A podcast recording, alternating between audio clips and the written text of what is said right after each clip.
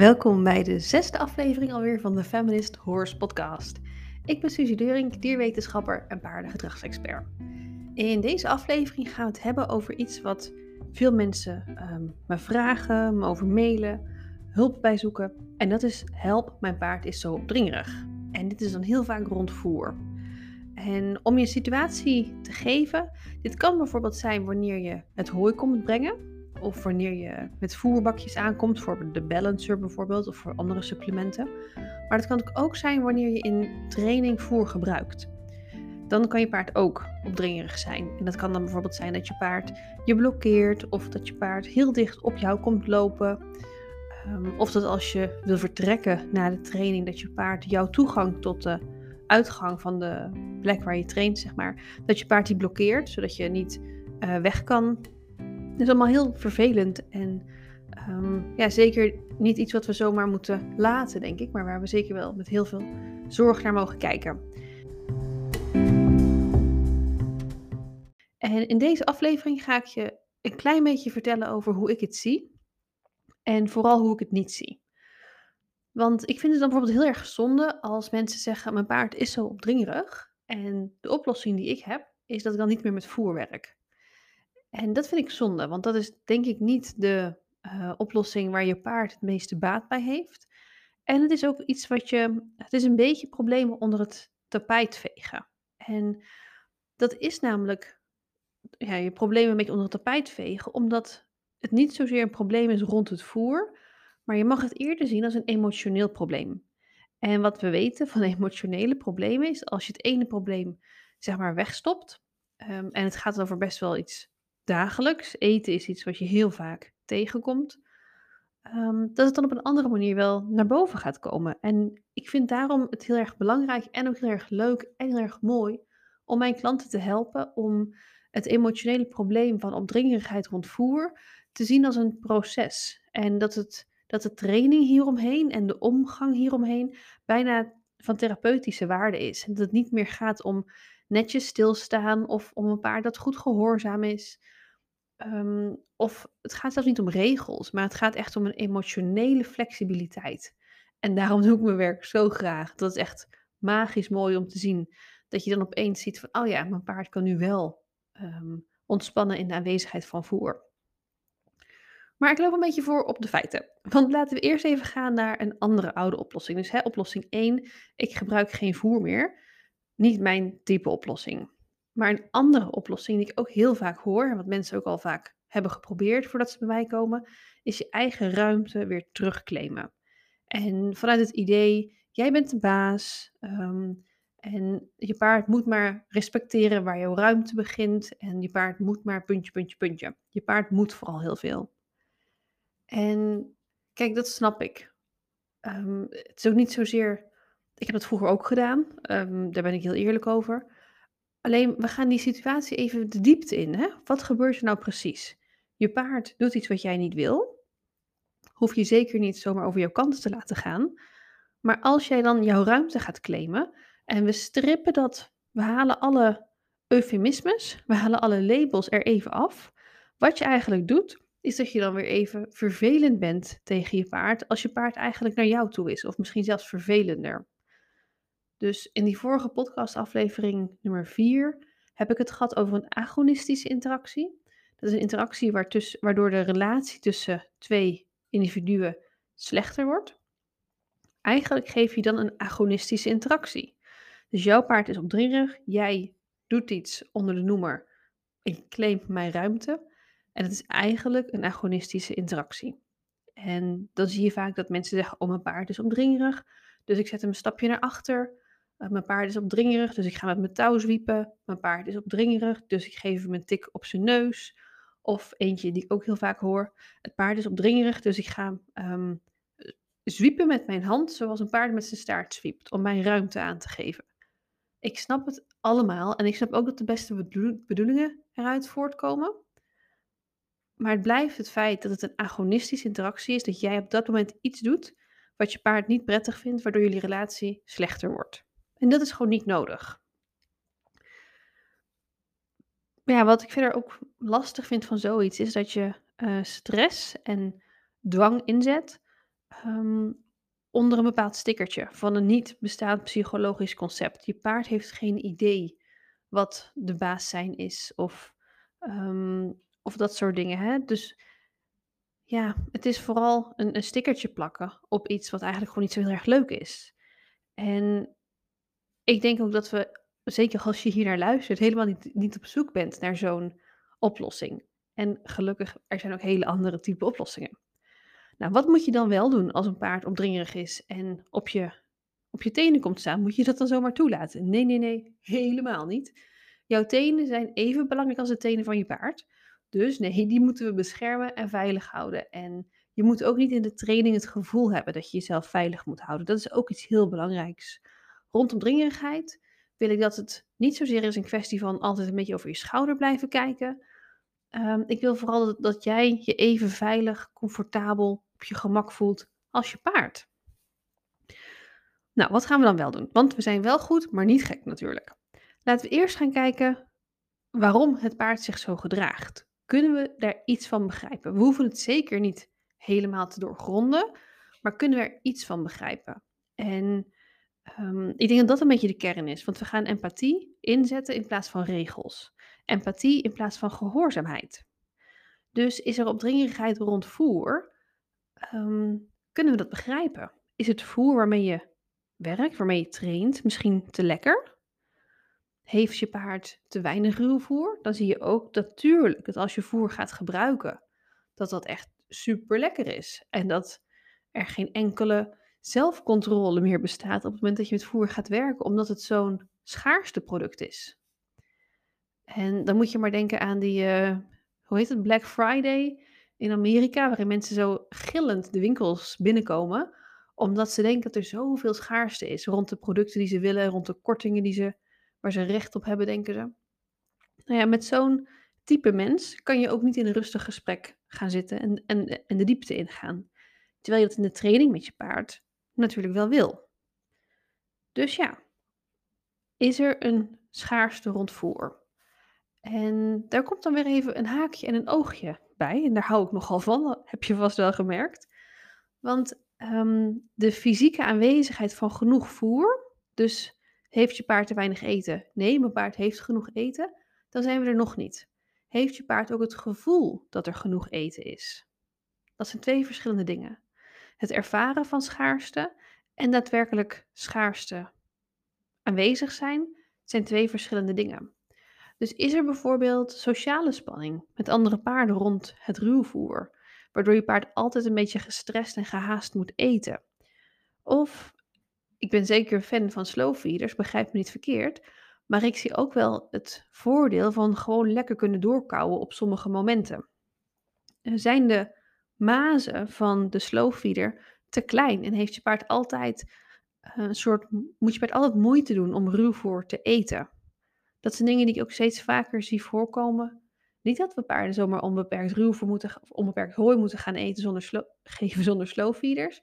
Maar ik zie wel dat er een gouden balans bestaat tussen um, het eetproces vertragen en minder rommel op de grond. En aan de andere kant dat een paard gewoon soms ook lekker kan dooreten. Dus dan heeft je paard zeker genoeg eten. Als de mazen van de slowfeeder te klein zijn, kan het alsnog betekenen dat je paard dus een beetje spanning ervaart rond het eten. Of zijn er gewoon te weinig voerplekken? En um, ja, kom je weer terug op die sociale spanning. Ook al zijn er genoeg voerplekken, dan kan er alsnog sociale spanning zijn. Hè? Dat is, um, het is helaas niet zo makkelijk. En daarom is het ook heel erg verrijkend en interessant voor ons, denk ik, om zo na te gaan hoe het is voor een ander. Maar goed, we gaan verder. Dus uh, die opdringigheid rond voer. Het kan ook iets heel anders zijn, dat het helemaal niet te maken heeft met het voer, maar dat een paard relatief weinig andere leuke dingen te doen heeft op zijn of haar dag. En is een beetje verdrietig. Ja, dat, dat is zo. Maar het kan zeker wel een um, extreme piek in positiviteit teweeg brengen wanneer je paard zich de hele dag door kapot verveelt. En dan opeens kom jij, uh, dat is echt al heel erg leuk. En dan kom je ook nog eens een keer met voer. En dat is ook nog eens een keer heel erg piekgevoelig. Dus heel erg um, van wow, op dat moment is het heel erg leuk, is het heel erg veel, heel erg intens. En ja, dan zou ik dus zeker niet zeggen tegen zo'n paard: "Je bent stout, ik claim mijn ruimte en ik geef je een klap op je in je gezicht." Dan is het best wel zielig, toch? Om om dat dan zo te doen of om welke reden dan ook. Een ander punt wat ik ook nog wel eens zie rond opdringerigheid en er zijn echt nog 101 andere oorzaken, hoor, maar ik wil niet duizenden uren aan je hoofd blijven kletsen. Ehm, maar iets wat ik eigenlijk steeds vaker zie is, ehm, iets wat ik ook nog niet vaker ben tegengekomen bij andere professionals met paarden. Maar dat is dat sommige paarden, en dan heb ik het echt over de honderden paarden die ik per jaar zie, dan heb ik het over een stuk of 5 per jaar of zo, ehm, dat die paarden een enorme behoefte hebben om bij mensen te zijn. En bijna een hondachtige behoefte om bij mensen te zijn. En dat is ergens ook helemaal ehm, mogelijk. Ja, het gebeurt. Dus het is natuurlijk nogal wie dus mogelijk. Het gebeurt. Maar het is ook best wel logisch als we kijken naar domesticatie. Dat is misschien een eh, voorbeeld of een onderwerp voor een andere podcastaflevering. Maar ik zie dan dus ook paarden die ehm, heel erg opdringerig zijn, omdat ze gewoon zo graag iets met hun mens samen doen, dat het echt heel vervelend wordt voor het mens en ook voor de paarden zelf. Dus dan wordt het eigenlijk een agonistische interactie, een interactie die de band verslechtert, omdat het paard zo'n behoefte heeft aan die affiliatieve interacties, dus aan het samen zijn met mensen. Maar als je dus al die redenen um, ziet, hè, die ik hier opsom voor opdringerigheid, dus er is stress rond eten, uh, het paard ervaart te weinig eten, of een paard heeft een enorme behoefte aan sociaal contact met de mens. En ik kan dus honderd andere oorzaken nog opnoemen. In geen van die oorzaken is het eerlijk om te zeggen: je krijgt een, een staart in je gezicht. En dan is een staart een touw of, of je hand je arm die zwiept. Dat is eigenlijk niet eerlijk. En ik denk dat we daar normaal gesproken een beetje overheen stappen. Dat we dat gewoon verteld is en dan noemen we dat maar gewoon op die manier. We denken niet, niet te veel over na. Maar als we daar even bij stilstaan, is dat heel gek. Een paard wat zegt: Wow, ik vind je zo leuk. Ik wil niet dat je weggaat, want dat doet mij emotioneel pijn. Dat we dan zeggen: Oké, nu moet jij terug op je plek gezet worden dat, ja, dat, dat is niet wat we willen, denk ik, hè?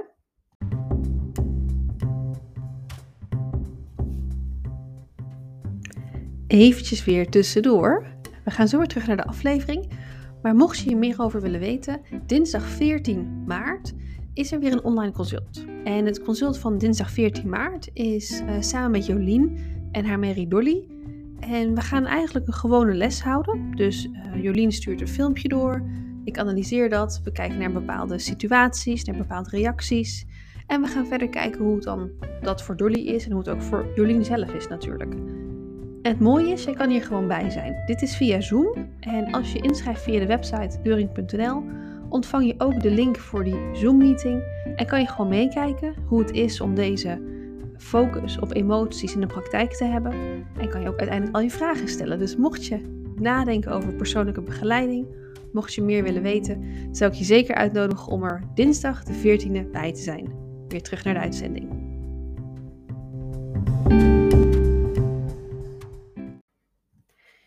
Ja, daar zijn we weer.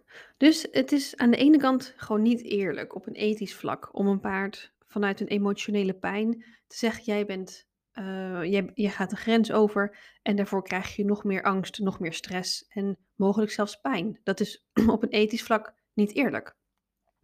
Maar ook hoe is het wel effectief? Want, oh ja, het is zeker effectief.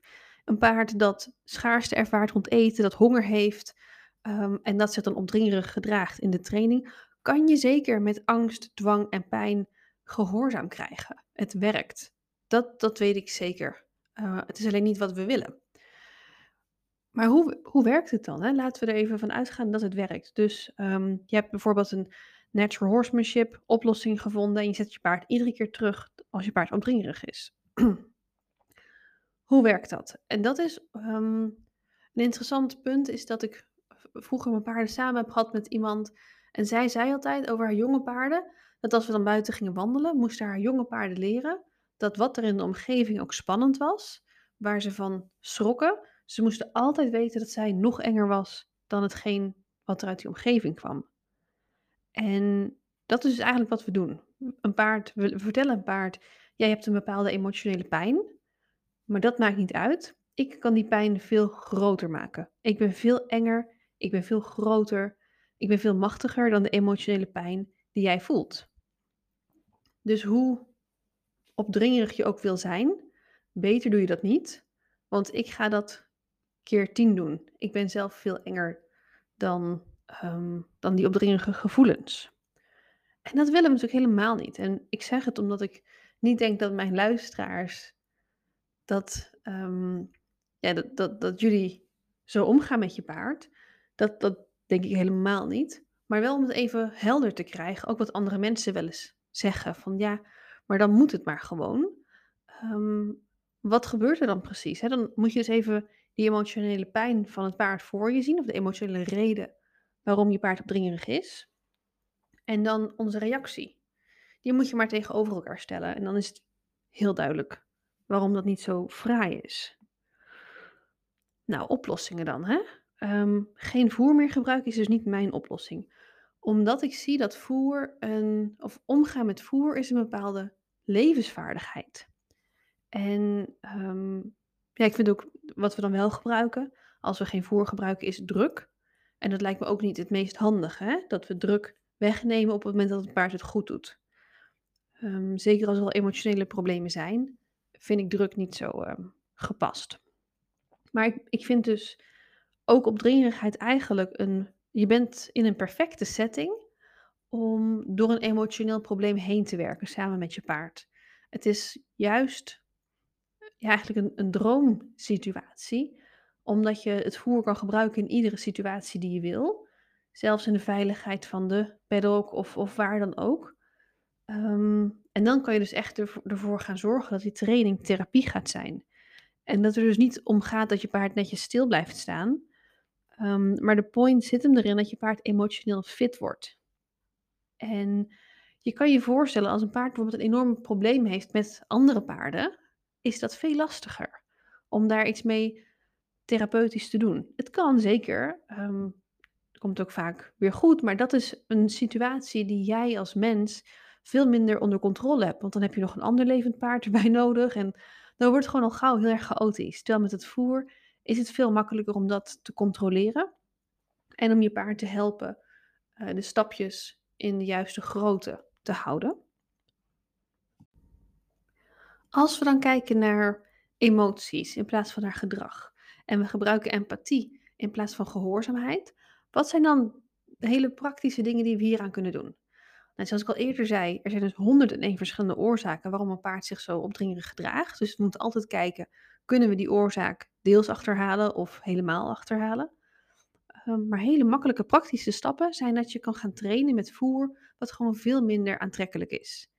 En eh, ik ben het zelf eerlijk gezegd vergeten, maar mijn zus vertelde het een keer dat ik uh, tijdens mijn eindexamen eh, op de middelbare school had ik uh, in de pauze voor mezelf, nee, voor in de pauze, een roze koek gekocht. Want die eindexamens zijn best wel lang, drie uur geloof ik. En ik dacht, ik wil tussendoor een soort suikerkick hebben. dus ik had een roze koek gekocht, blijkbaar. En die wilde ik dan, zeg maar, na anderhalf uur of zoiets, na mijn uh, eerste deel van dat examen, wilde ik die dan opeten. Maar ik vond roze koeken enorm lekker. Nu eet ik ze niet meer. Maar toen bestond mijn leven voor een heel groot deel uit roze koeken. Ik was echt dol op roze koeken. En toen had ik blijkbaar dus het eerste deel van mijn examen maar alleen maar kunnen concentreren op die roze koek die op de hoek van mijn examentafeltje lag. Omdat ik er zoveel zin in had, kon ik me niet concentreren op mijn eindexamen. Um, dus zo kan het soms ook met paarden zijn. Als we het voer gebruiken, moet het voer echt wel ondersteunend zijn en niet de kern van de focus. Dus dan moeten we geen snoepjes gebruiken. En dat is iets waar, waar, waar het vaak wel misgaat. We gaan werken met voerbeloning en dan denken we aan snoepjes. Of zelfs mix, gewone uh, brok zeg maar, is voor veel paarden ook zo lekker en zo uh, verslavend, dat dat ook geen goede optie is. Um, dus eigenlijk het meest emotioneel gebalanceerde paard, met een enorme hoeveelheid ruwvoer en een heel erg tevreden gevoel, kan echt nog wel um, gewoon heel erg uh, opdringerig en, en gek worden en, en vervelend van te lekker eten. En dan ligt het dus helemaal niet aan het paard, maar echt wel aan het type voer. het is een beetje, ja, ook die drukke rush die je krijgt van, ehm, energy drink bijvoorbeeld, hè. Dat is ook iets wat we gewoon niet kunnen gebruiken in de training. Dus let op welk type voer je gebruikt. En mijn lievelingsmanier van voeren is gewoon hooi. Een beetje een logistieke uitdaging, want je zit dus echt letterlijk met hooi. Ehm, maar daar hebben we ook wel weer tips voor hoe je het dan weer bij je kan dragen. Of een hooibrok. En een hooibrok is dan wel een stuk lekkerder dan hooi. Omdat het ook een beetje speciaal hooi is waarschijnlijk. Ehm, maar helemaal geen snoepjes. Geen krachtvoer, geen suikerrijke dingen. Zelfs geen suikervrije snoepjes. Uh, dan blijven het gewoon nog steeds snoepjes die best wel lekker zijn. En dat willen we niet. Het moet eigenlijk zo saai mogelijk zijn. Het liefste hooi. Een andere tip die eigenlijk, want ik probeer nu tips te geven die in bijna geen enkele situatie schadelijk gaan zijn. Want dat is belangrijk. Als ik hier iets zeg um, met het idee van dit zou wel kunnen helpen, maar het maakt het alleen maar erger voor jouw paard, is het niet oké. Maar ik denk dat werken met hooi het nooit erger gaat maken. En de volgende tip zal het ook niet zo heel snel erger maken. Namelijk dat als je paard opdringerig is rond voer, mag je de training starten met heel veel en gratis eten. Beetje raar, maar je, stel je gaat met je paard in de buitenbak werken. En nou, je brengt je paard aan het halster naar de buitenbak. Je klikt je paard daar los. En in plaats van dat je dan de training gaat beginnen, staat daar een enorme bak met hooi. Of een enorme bak met luzerne. Of een enorme bak met geweekte hooibrok. Zodat je paard gewoon vijf minuten in die trainingssetting kan gaan eten. Je mag daarbij staan, je mag een boekje lezen, dat maakt niet heel veel uit, maar dat je paard alvast went van, oh ja, we gaan hier zoiets doen. En dan enorme bevrediging krijgt van het eten. Dat is eigenlijk wat we zoeken. Dus daarmee begin je de training en vanuit zo'n volle mond, lekker kauwen, dan ga je de training beginnen. Na vijf minuten of na tien minuten of na drie minuten, dat maakt niet uit. Maar in ieder geval moet je paard een soort rijkdom ervaren, een soort tevredenheid en dan pas gaan starten. Dat zal het al veel makkelijker maken. Een derde tip is als dit ja, nog steeds een uitdaging blijft en je paard blijft opdringerig, dan kan je zeker contact met mij opnemen. Want ja, zoals ik al zei, het kan ook heel goed zo zijn dat de opdringerigheid rond voer helemaal niks te maken heeft met het voer, maar dat het gewoon een teken is van een onderliggend emotioneel probleem. En dat je paard emotioneel gewoon niet helemaal fit is. En dat is niet op te lossen met trainen met hooi in plaats van met snoepjes. Of met je paard uh, een grote bak gratis eten aan het begin te geven. Daarmee maak je het niet erger. Maar met die twee tips los je ook de emotionele problemen van je paard niet op. Niet dat we problemen altijd kunnen oplossen, maar daarmee maak je de situatie voor je paard ook niet per se beter. Hè? Dus als je wil gaan werken aan de levensvaardigheden van je paard, um, kan je me altijd een berichtje sturen. En ja, dan kunnen we zeker eens kijken of dat de persoonlijke begeleiding iets voor jou en je paard zou kunnen zijn. Heel erg bedankt voor het luisteren en ik hoop dat je hier tips uit hebt gehaald. Um, mocht je er nou veel aan hebben gehad, wil je de podcast dan vijf sterren geven. Dat zou ik echt super leuk vinden. Want daardoor wordt mijn podcast ook weer vaker gedeeld. Op Spotify bijvoorbeeld. En kunnen nog meer paarden, eigenaren ervan uh, genieten. Heel erg bedankt voor het luisteren. En tot de volgende keer. Doeg!